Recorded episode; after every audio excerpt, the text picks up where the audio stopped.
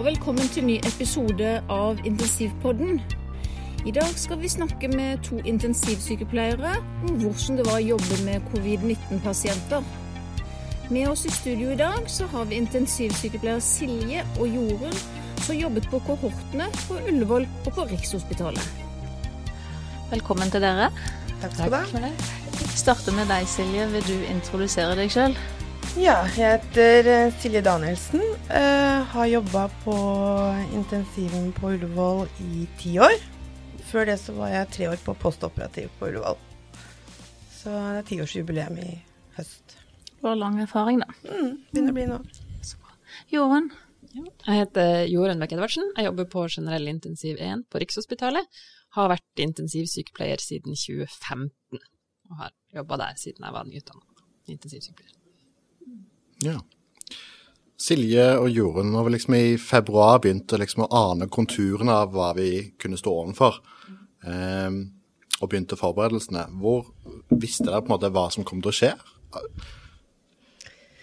Jeg personlig følte vel akkurat helt i begynnelsen at det var litt haussa opp, på en måte. Det var veldig, veldig mye greier. Ja. Um, men så tenkte jeg at um, det var Stolte på ledelsen og tenkte at de forberedte så godt de kunne. Men hva vi sto innafor, hvordan det ville bli, hadde jeg vel egentlig ingen anelse om. Så det ble litt annerledes enn det jeg trodde. Ja. For min del i hvert fall. Jorden, da? Nei, jeg tror jeg, det tok litt lang tid før jeg skjønte alvoret i det. Vi hadde jo spesielt én fagsykepleier hos oss som var veldig herdig og ivrig og sto på. Jobba med å liksom terpe på bruk av smittevernutstyr og lagde prosedyrer og alt, og vi var litt sånn Kom igjen. det her skjer, det, det skjer i Kina. Det, det, var så fjernt. Det var akkurat som det var Man tenkte at det var litt som SARS-viruset, da. Mm. Men uh, jeg er jo veldig glad for at hun tok såpass tidlig tak i det, og har virkelig gjort en kjempeinnsats for oss, da. Mm. Uh, men det var jo helt surrealistisk når vi sto der og øvde på å brette tremaske og hadde Ja, nei. Men, uh, men nei, det, var, det, tok lang tid før jeg skjønte at det faktisk var reelt, da. Mm. Mm. Hvor godt syns du på en måte, vi var forberedt, altså med tanke på utstyr og opplæring når liksom, de første pasientene kom? Var ting på plass, eller var det veldig ikke på plass? Både òg. Det var jo Ja, som sagt, vi hadde jo eh, hatt mye faglige minutter, veldig mye fokus på det. Vi hadde prosedyrer, vi hadde um, Det var en plan for en kohort. um, som vi hadde jo blitt introdusert for det, men mye var jo uklart. Og så var det jo den der om vi hadde nok smittevernutstyr, var vi jo veldig usikre på. Mm. Vi skulle jo egentlig gjenbruke de her tremasken, og sto og øvde på å brette dem og putte dem i en pose uten at det skulle kontamineres, og det føltes jo veldig surrealistisk at det var noe vi faktisk skulle drive med. Slapp heldigvis å drive med det, det fikk vi jo vite akkurat idet det brøt ut. Ja. Men jeg tror vi var så godt forberedt som vi kunne være, og jeg synes jo ledelsen var veldig tydelig på hvordan ting skulle gjøres. Så, men så lærte vi litt underveis, da. Mm. Når det først satte i gang. Noe av det samme opplevde vi òg. Det var um, mye prosedyrer og workshops ble satt opp uh, for uh, ikke bare oss, men annet personell på, uh, på huset. Med oppfriskning av respirator og mageleie, ikke minst. Det hadde vi jo trening på. og og disse brettingene, disse maskene som var snakk om å gjenbruke. Og det var noe av det som tok mest energi på, kall det de på gulvet, da. Mm. Det her med å bruke disse maskene om igjen. Mm. Um, og tanken var da, fordi det var så lite utstyr i verden, så måtte man kanskje gjenbruke åndedrettsvern. Mm. Uh, og det er jo litt sånn, det er jo helt på tvers av det vi egentlig er lært opp til. ja. Eh, Så det var mange protester på det. Ja. Det var det. Um, men på vår avdeling så var det Vi hadde undervisning om det, og vi alle sto og bretta, og det var postere, og det var laminerte, og det var skilter, og så Sånn sett så syns jeg vi var ganske flinke, eller ledelsen og fag, fagsykepleierne var ganske flinke til å prøve å forberede eh, så godt som mulig, da. Mm. Men det var veldig surrealistisk. Gjenbrukgreiene var veldig vanskelig Mm. å forholde seg til, syns jeg, da. Men vi slapp det, da. Heldigvis. Silje, du eh, jobbet jo i eh, kohort på Ullevål. Det var plass til 13 pasienter? 14? En relativt eh, stor kohort. kohort. -hmm. når du kom inn og skulle på jobb, så måtte du inn i slusen. Påkledning og Fikk du hjelp til det? Noen vakter ja, andre vakter ikke. Det, jeg tror det forbedret akkurat påkledning på slusa inn, så forbedra det seg. Med Ja. at det fikk et system med eh, hyller og varer og, og folk som sto der og hjalp til på påkledning. Så når de først kom, så syntes jeg det var rart, for jeg var jo vant til å kle på meg sjøl. Ja. og finne fram selv. Men eh, jeg syns egentlig ganske sånn Når eh, de ansatte kom med ønsker, f.eks. speil, da, var det ikke først. Så tok det jo ikke mer enn en halv dag, så var det et speil oppe. Så jeg følte jo at når, når de som brukte slusene og kledde på seg, kom med ønsker, så ble det tatt hensyn til og ordna med så godt som mulig. Ja, Ja, siden det kom jo slusevakter etter hvert. etter hvert, ja. Ja. ja. Så, så jeg ble veldig overraska når noen skulle begynne å kle på meg, liksom. Men det var veldig greit, for da vet du at du er sikker, at det er- tett bak, liksom. ja. Du følte trygghet med det? Ja, Men det var alltid utstyr. Det syns jeg var bra. Jeg syns de var flinke til å fylle opp. Må ikke stå der og lete etter ting. Ja. Eller, jeg gjorde i hvert fall ikke det. Nei. Så, så jeg var fornøyd med det. Men når du eh, kom eh, inn i kohorten, så Hva gjorde du da? Altså Først fant jeg ut, eh, for det var jo delt opp i sykepleie 1, 2 og 3, og så fant jeg ut hvor du skulle være og hvilken sykepleier du skulle være, og så var det egentlig bare å gå inn og få rapport og hilse så godt du kunne på de du, som var der, da.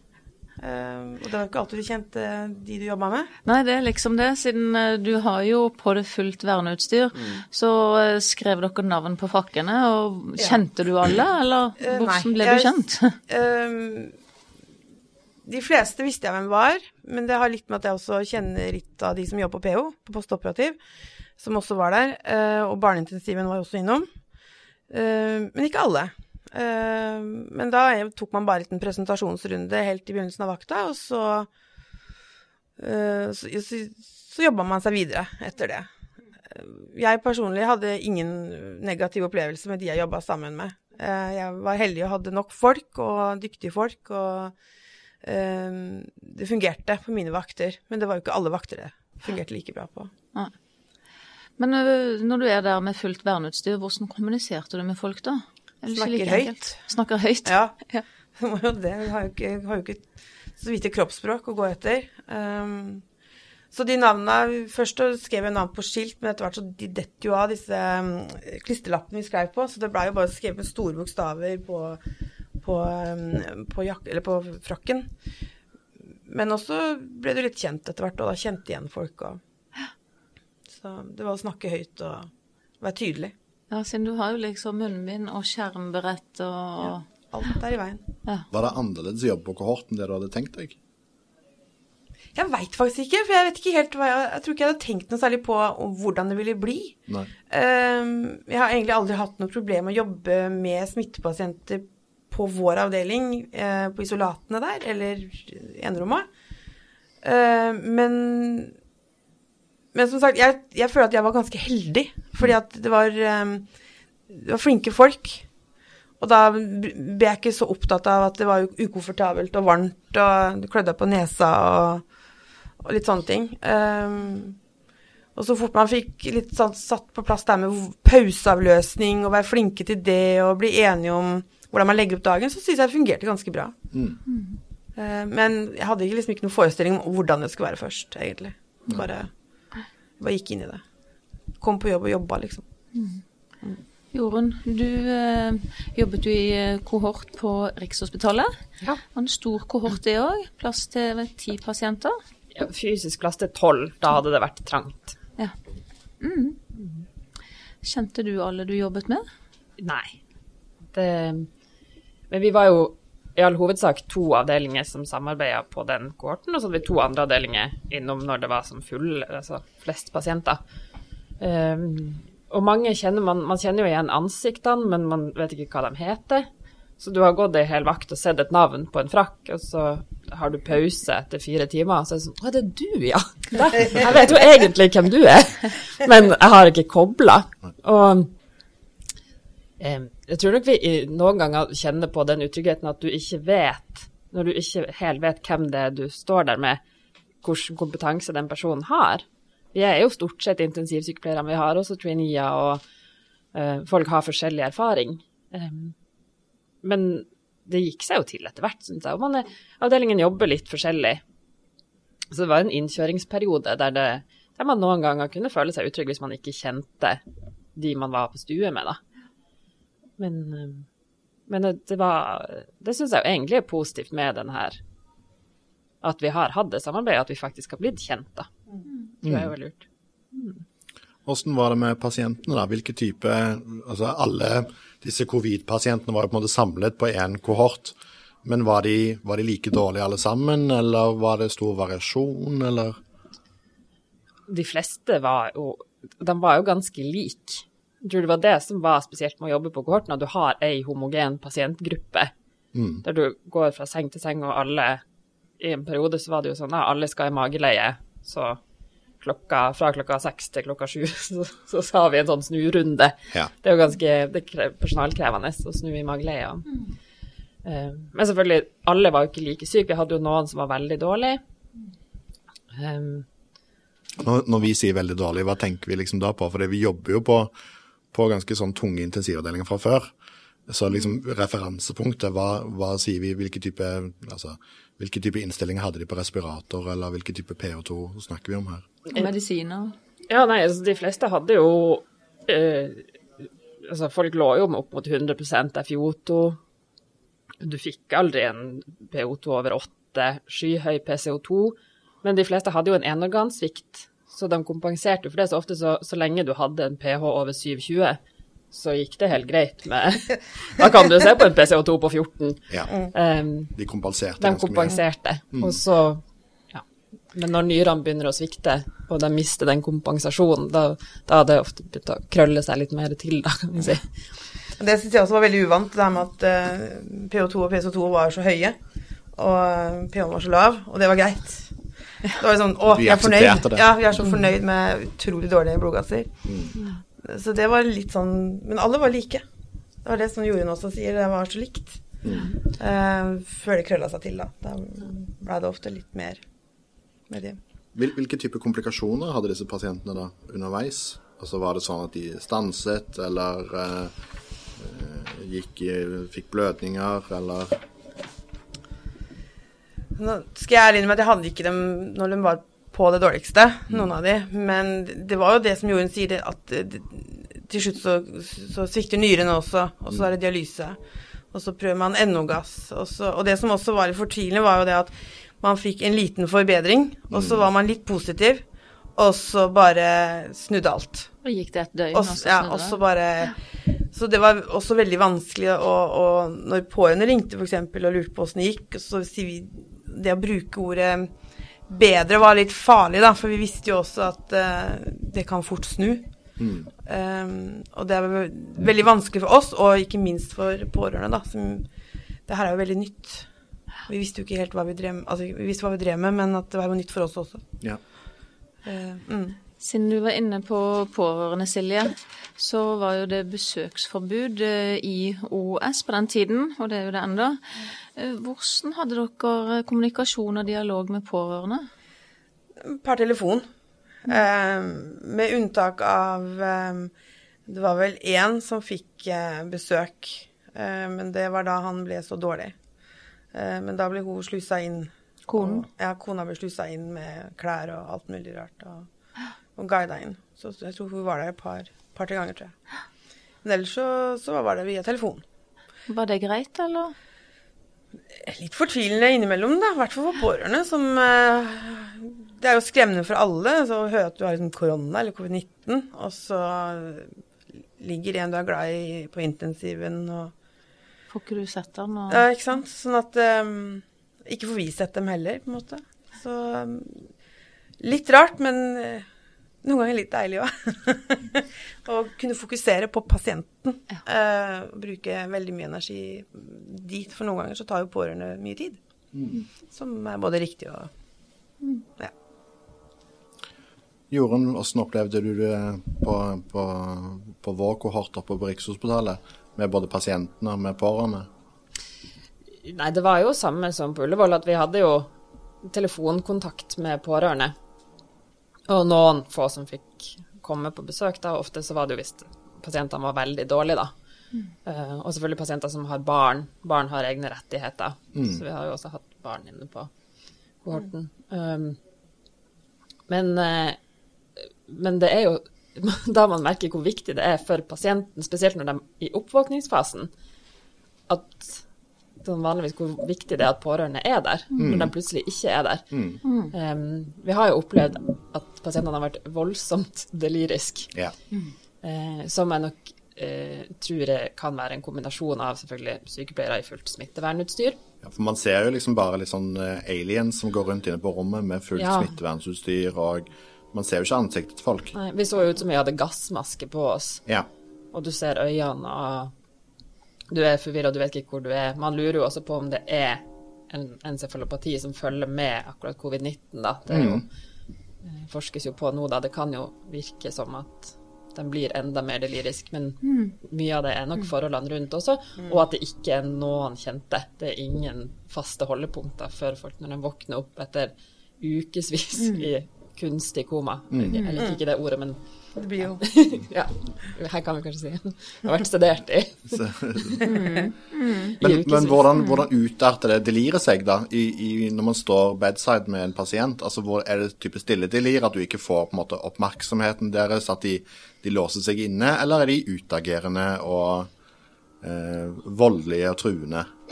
Vi har, vi har vel sett begge deler. Ja. Eh, noen har vært fryktelig, spesielt veldig paranoid. ja. Ja. Veldig engstelig og paranoid og roper og er tydelig ekte kjemperedd. Og det kan man jo på en måte litt skjønne. Man, man plutselig får man en, en uh, luftveisinfeksjon, og så våkner man opp i, i et sted med folk som går i drakter, og uh, henger over, så ligger man i en seng med tuber i halsen og Ja. slanger overalt. slanger overalt. Og se på sykepleiere med gassmasker. Ja. Og så var det noen som, som våkna opp som ikke var delirisk. Ja. Hmm. det, Hadde de ligget kortere tid på respirator da, eller? Var det noen forskjell på hvis de hadde ligget lenge på respirator, at de utviklet mer delir? Eller? nei, det var akkurat som de som hadde ligget kort, og de som hadde ligget veldig lenge. ja. Kanskje opplevde vi at ikke var så Men det kan jo ha vært tilfeldig òg. Det er vanskelig å si. Ja. Men og det er en pasient som våkna opp og lurte på om hun kanskje kunne få en frisørtime. ja. Og man sier nei, det er faktisk ingen i Norge som kan få gå til frisøren. og det er såpass, ja. Ja. Ja, nei, ja. Og ma mange av disse pasientene ble jo lagt inn i en periode der det ikke var så fryktelig mye covid i Norge, og så har de ligget på en måte i, sedert i flere uker, og våkna opp i en periode der liksom samfunnet nesten har forandra seg mens de ligger i sedert. Hvordan var det for de å på en måte våkne opp og ikke på en måte vite hvordan virkeligheten er lenger? Jeg vet ikke helt hvor mye de fikk med seg. Nei. Bortsett fra hun som ville ha en frisørtime, så snakka vi jo ikke så mye om Verden utenfor. verden, om livet der ute. Så jeg tror de var litt lykkelige i viten om hva som hadde Ja. foregått mens de lå i studert da. ja. Men hvordan var samarbeidet med de du jobbet med, altså legene, fysioterapeuter, og var det et greit samarbeid med det? Jeg opplevde bra samarbeid, på Ullevål i hvert fall, eh, på mine vakter. Eh, det jeg syntes var litt interessant, var jo å bli kjent med de medisinske legene. Hvordan de jobber. Eh, som Jure nevnte, nevnte litt i stad, med samarbeid med andre. At andre har jo andre avdelinger har andre typer, eller måter å jobbe på. Eh, og det merka vi veldig godt med de fra medisin.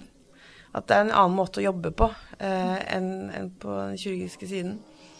Eh, og det var veldig tydelig at eh, de medisinske legene var mer vant til ARDS-lunger og, og sånne ting. Så um, mye mer fikling på respiratoren og, og, så litt sånn Vi skyndte oss langsomt. Eh, vi hadde en pasient jeg tenkte hun kan vi ekstubere, men da fikk jeg nei, vi venter en dag til. Og det var nok riktig, men, eh, men det var liksom sånn rart. Og en annen tenkning. Vi skal jo ta tuben så fort vi kan på tjuringen. Og så Ja, medisin har jo kanskje litt mer langliggere. ikke sant? Så, da, så det syns jeg var interessant, da. Å, å få oppleve den. For jeg har aldri jobba på medisinsk intensiv. Så, men ellers så syns jeg samarbeidet med de andre gikk fint. Um, det var alltid litt morsomt når du kom inn på stua, du visste jo ikke helt hvem det var før du så navnet, da. Og så, Å ja, fysio! så det ble litt um, Men jeg var, jeg var ikke innblanda i noen vanskelige situasjoner eller konflikter eller noe sånt. Men så klart, det var jo, det var jo ganger hvor jeg hørte at folk um, var uenige, da, på måte å jobbe på. Uh, og vi så kanskje viktigheten av uh, hvor viktig det var at folk var kjent, i hvert fall mm. koordinatorene. Mm. Uh, og visste hvor ting var, og hadde litt overordna kompetanse, da. Ja, det var jo ikke noe folk kunne øvd på før. Absolutt ikke. Nei. De ble jo bare satt inn i en kohort, da. Mm. Så, men, men, det er viktig å ha den litt tydelig og, og litt sikker kall det ledelse på kohorten da, mm. eh, under vakta. Mm. Så, men, men, som sagt, jeg hadde, jeg hadde ingen problemer. Mm. Opplevde ingenting. Hvordan var det på Rikshospitalet, Jorunn? Altså, vi følte oss nok innimellom veldig alene inne på kohorten. Det er jo ikke lege til stede. Legen er ganske mye lenger unna når de må på, få på seg alt smittevernutstyr. Og står du med en veldig ustabil pasient, eller står du med en ECMO-pasient, så er det ikke sånn at legen pleier jo ikke å være inne på rommet sammen med oss, men den legen er så mye nærmere når du ikke er inne i den kohorten. Mm, for det tar rundt 10-15 minutter å få på seg smittevernutstyr, ikke sant? Det gjør jo det. Ja. Eh, så vi har nok eh, kjent på det at vi, at vi har følt oss litt alene, da. Mm. Nå har det jo ikke skjedd noe alvorlig pga. at legen ikke har vært til stede, men, men det er liksom, å ha beredskap, da, så har det innimellom føltes utrygt hos mm. oss. Mm. Så legene var ikke til stede hele tiden inne i mm. kohorten? Nei, det var aldri Altså, nei, de kom inn og gikk sine visitter og runder, og mm. altså, de, de, er jo til stede hos pasientene, men ikke hele vakta. Nei, nei sånn var det også. Når man kommer på, på, dagen, så tar det ofte et par timer før det kommer en lege inn. Mm. Selvfølgelig kommer de jo hvis man ringer og ber dem komme, men, mm.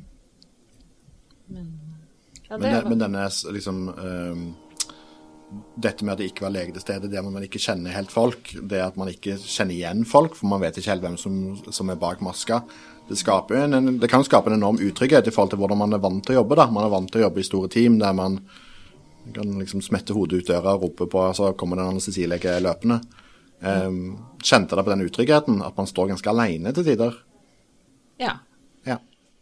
Jeg vet noen Ja, hos oss også. I personen så gjør jeg ikke det. Men, jeg, men, men jeg, vet uh, når de dårligste var dårligst, så, så, var det flere som følte seg utrygge. Mm. Uh, men, uh, men jeg, også, også, jeg, fikk også tilbakemelding om det her med at når legen skal ut og spise, så, og så plutselig må man ringe på dem, og så bruker man 10-15 minutter på å komme inn igjen. Det er lange minutter hvis du har en dårlig pasient. For ofte så ringer vi jo ikke på legen før det vi virkelig må og det begynner å bli akutt. Uh, man trenger det nå. uh, og da er 10-15 minutter lenge. Men jeg, jeg, vet det var episoder hvor sykepleierne følte seg veldig utrygge og um, alene ja. hos oss også. Mm. Var det nok folk som jobbet i kohorten da? Nok intensivsykepleiere? Uh, der var det vel perioder hvor det skorta. så jeg har Kollegaene mine har fortalt at det var flere ganger hvor det var sykepleier to inne på stuene som eh, ikke var eh, intensivsykepleiere, som var vanlige sykepleiere som jobbet på postoperativ og hadde opplæring der, da. Og bare for de som ikke vet, sykepleier to er altså sykepleier som er løs, eller løs. ikke har pasientansvar, da. Ja, ikke pasientansvar, men løs på stue. Ja. Som skal assistere og pauseavløse. Um, og, og, de sykepleier tre som da var ute um, i avdelingen og henta ting og blanda ting og antibiotikaer og sedasjon osv. Der også var det jo, og alle blodgassene som ble tatt, ikke minst. Der også var det noen ganger eh, sykepleiere som ikke eh, kunne så mye, da, som de kanskje burde. Og det er jo uttrykk for dem òg, ikke minst. Men jeg vet om episoder hvor mine kollegaer sto og ikke turte nesten å gå i pause fordi at pasienten var så dårlig, eh, og det var så mye. Og det, da hadde den gått i multiorgansvikt også. Det var så veldig mye, og den som skulle stå og passe på, hadde ikke kompetansen. Og det er jo vondt for den som har ansvar, men ikke minst også vondt for den som, som står der liksom skal ta et ansvar. Mm. Og ikke kan det, og ikke er trygg for det. det var, de som var dårlige, de var dårlige, altså. Mm. Mm. Uh, men jeg tror det retta seg litt etter hvert også. Det, var, det var flere ting som ble bedre underveis. At man fikk liksom kunnskap underveis, Ja. hvordan erfaring, da. Hva som funka og ikke funka. Opplevde du det samme, Jorunn? Ja, Ja. egentlig.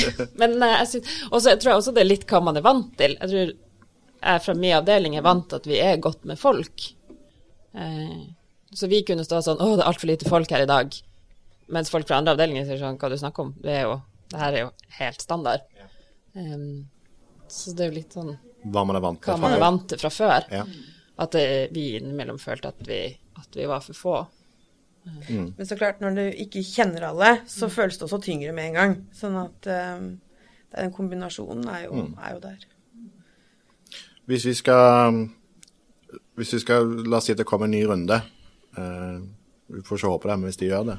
Hva kunne vi gjort bedre til neste gang? Hva ville vært bedre for dere som står på en måte og jobber direkte med pasientene? Smittevernutstyr. Masker. Masker og smittevernutstyr. Ja, maskene Det var eh, Det tror jeg laga mye hodebry. Mm. For alle parter, egentlig. Fra topp til bånn. Ja. Hvilke masker da? Eh, At det var for lite åndedrettsvern. Mm. Um, veldig mange følte seg veldig utrygge når de gikk inn på kohorten med vanlig enten kirurgisk munnbind eller tror jeg PT-masker. Mm. Men da tenker du på disse KN95-maskene? Altså de maskene som Ja. ble trukket tilbake. De som ble trukket tilbake, de eh, Da var det jo også veldig mye arbeid i forkant, fordi det var mange som sleit med å få til å sitte ordentlig, og det var Det brukte masse energi eh, på å prøve å fikse det, det problemet. Eh, og de var ikke gode å ha på. Absolutt ikke. Og når du må gå rundt og teipe under øyelokket på hver vakt, det er det er ikke så vondt å ta det på, men det er søren så vondt å ta det av. Um, og da var det veldig mange som følte seg utrygge. Um, men det var jo det man hadde, så da brukte man det man hadde. Um, det som også var veldig dumt, syns jeg, da, var jo, og veldig mange med meg, er jo at um, når de ble trukket tilbake, så kom det dagen etter det var et oppslag i Aftenposten om det, og så ble de også trukket tilbake mens folk var på kohorten. Så det var flere som gikk i pause fra kohorten opp avdelingen og kom på avdelingen og leste lapp at de er trukket tilbake. Men så lå de fortsatt på, um, ved innslusa, da, ved på kohorten. Så den, den det der ble liksom veldig kinkig. Um, så der, der var det jo men, men de maskegreiene, det tror jeg krevde veldig, veldig mye energi. Både de eh, som vi da kalte kaffefilterne, da, for de så ut som kaffefilter. Både de, men ikke der med altså den brettinga som var snakk om brettemasker og Det at man tok- ikke stoler på smittevernutstyret sitt. ja, det var var veldig ikke- mye. Ja. Um, prat og usikkerhet og Og noen hauser jo ting opp veldig i avdelinger og protesterer høyt, og andre sier det er her det vi har, og det må vi bruke. Så det blir veldig mye uro i avdelingen når det allerede er veldig mye annet man skal drive med, da, Ja. og tenke på, som er nytt. Ehm, så det, akkurat eh, masker, det, det håper jeg man har eh, kjøpt inn til neste runde. Jorunn? Vi kan jo også si om de maskene. Vi fikk jo 1. april faktisk vite at vi skulle begynne med flergangsmaske. Det ser ut som noen sånne heftige gassmasker. Og flere som trodde det var en aprilspøk. Ja, vi trodde jo ikke på det først. Men, eh, og de var, de var jo vondere å ha på. Mange fikk jo eh, enda mer trykksår i ansiktet av å gå med dem. Men de føltes jo, de var tett, de føltes trygge, det var filter du kunne bytte. De var faktisk lettere å puste i enn vanlige tremasker. Um, og det visste vi at vi hadde nok av, og det var en veldig trygghet. Men de var også, siden de var så tett, så var de jo veldig vanskelig å snakke i. Man hørte jo enda dårligere. Og jeg har, jeg har en stemme som ikke bærer så veldig godt. Så jeg måtte, når jeg skal snakke høyt, så høres jeg så sint ut. Så jeg måtte rope sånn Kan du hente det og det og gjøre sånn og sånn? Jeg er ikke sint! Det er ingen som hører meg. Snakke vanlig inni her. Um, Så smittevernutstyr, at det er på plass til neste runde, det, det. hadde hjulpet. det hadde hjulpet veldig. Så, Men det jeg syns satte veldig pris på, det var jo at vi eh, slapp å bruke de gule, vanlige frakkene som vi bruker ved smittevern. Eh, at vi fikk disse operasjonsfrakkene. Det var gull. For de er mye lettere å jobbe. Det er varmt nok fra før. Du puster nok CO2 fra før. Eh, og da kunne ha ordentlige frakker som dekker ordentlig og er lettere å jobbe i, det, det syns jeg var veldig bra. Og Det høres jo ganske lite ut, da. altså en, en annen farge på frakken og en litt annen type, at det skal ha så mye å si, da. Men, eh, men, Men det, det- tenk, det, det er ganske mange timer der inne. Mange timer, og det er mye arbeid, og du jobber jo. Du jobber jo hele tiden. Ja. Uh, og, da, også, og da har de gule, vanlige smittefrakkene, det er jo som å sitte i badstue. Ja. Uh, og så er det jeg, personlig så syns jeg det er for dårlig snøring bak også. Jeg personlig får dem ikke tett, selv med teip. Så Men det er jo ganske interessant òg, at det smittevernutstyret det som er på en måte det vanskeligste. For pasientene er jo ganske sjuke òg, men det er man jo kanskje vet ikke, ganske vant til. Jeg opplever at det er en kjent pasientgruppe for oss. Vi er jo vi er jo avdeling som har ECMO-beredskap og får jo ofte sendt vanligvis de dårligste influensapasientene til oss. Og, og på mange måter så ligner jo de her covid-pasientene veldig på de, de vanlige, hvis man kan kalle det, influensapasientene som vi får hvert år. Så det spesielle har jo vært å stå inne på den kohorten. Mangelen på smittevernutstyr har gjort at vi får én pause i løpet av en dag. Og når du står med så mye utstyr på deg, blir kjempevarm, du ikke får lov å drikke, du får ikke lov å gå på do, det, det er jo det som har gjort det her arbeidet tyngre. Jeg har aldri følt meg utrygg på pasientgruppa. Det syns jeg er viktig å få frem. ja, enig. Selv om det vært litt annerledes for oss eh, enn det vi er vant til, så, så er vi vant til å jobbe med dårlige pasienter. Vi er vant til å jobbe. Så det, det var liksom ikke Litt fortvilende at det går litt opp og litt mm, tilbake igjen og sånn, men så, i det store og hele så var det nok smittevernutstyret som var um, Og en ting er at du, du får jo ikke drikke og gå på do mens du står der, men du tør jo fader ikke å drikke um, i pausa di heller, for da må du på do når du kommer inn i kvarten igjen.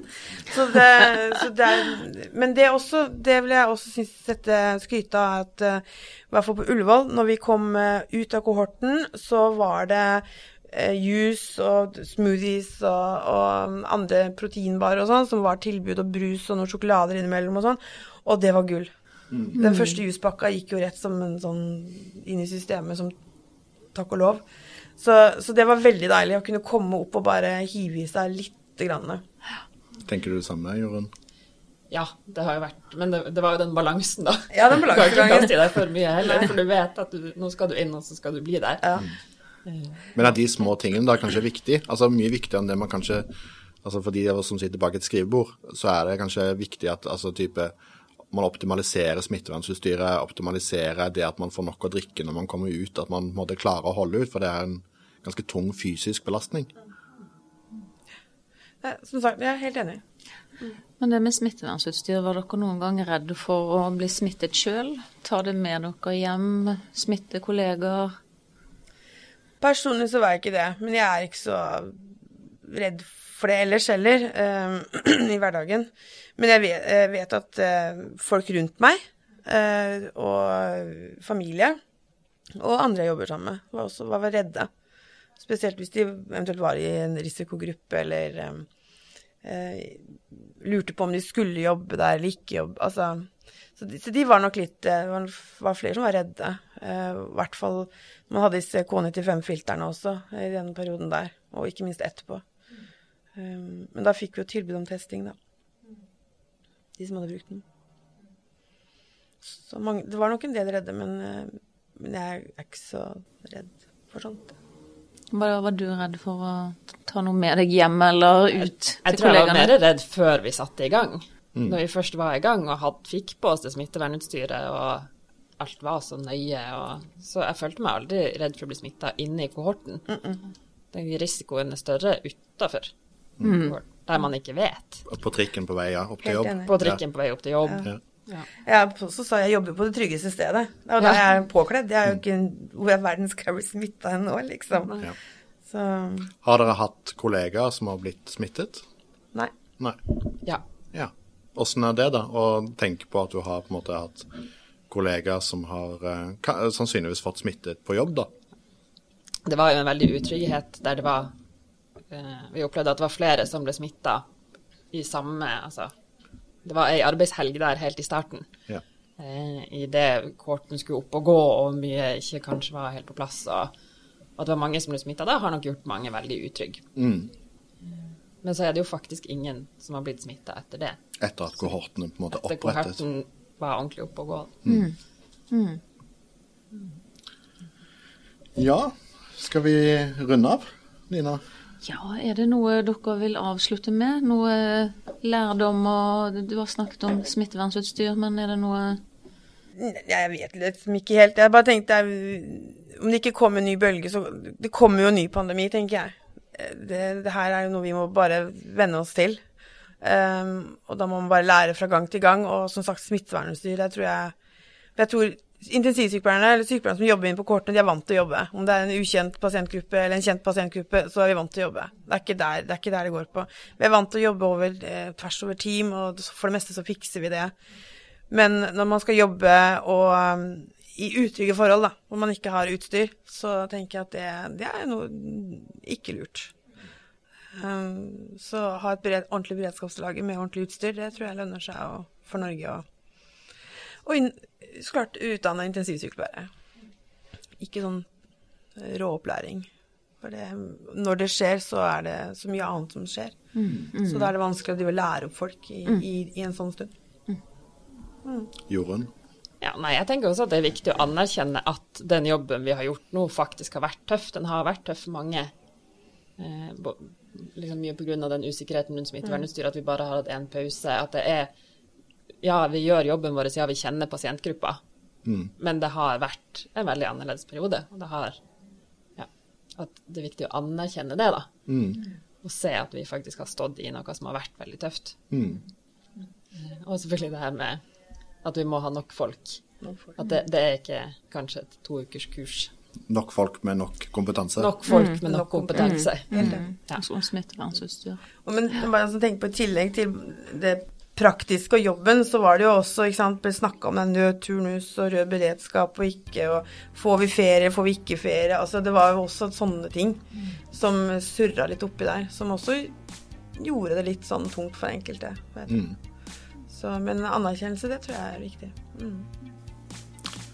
Ja, da tror jeg vi sier tusen takk for uh, denne episoden av Intensivpodden. Veldig nyttig, interessant. Um, Takk. Takk for at du fikk komme. Ja, takk for at du fikk komme.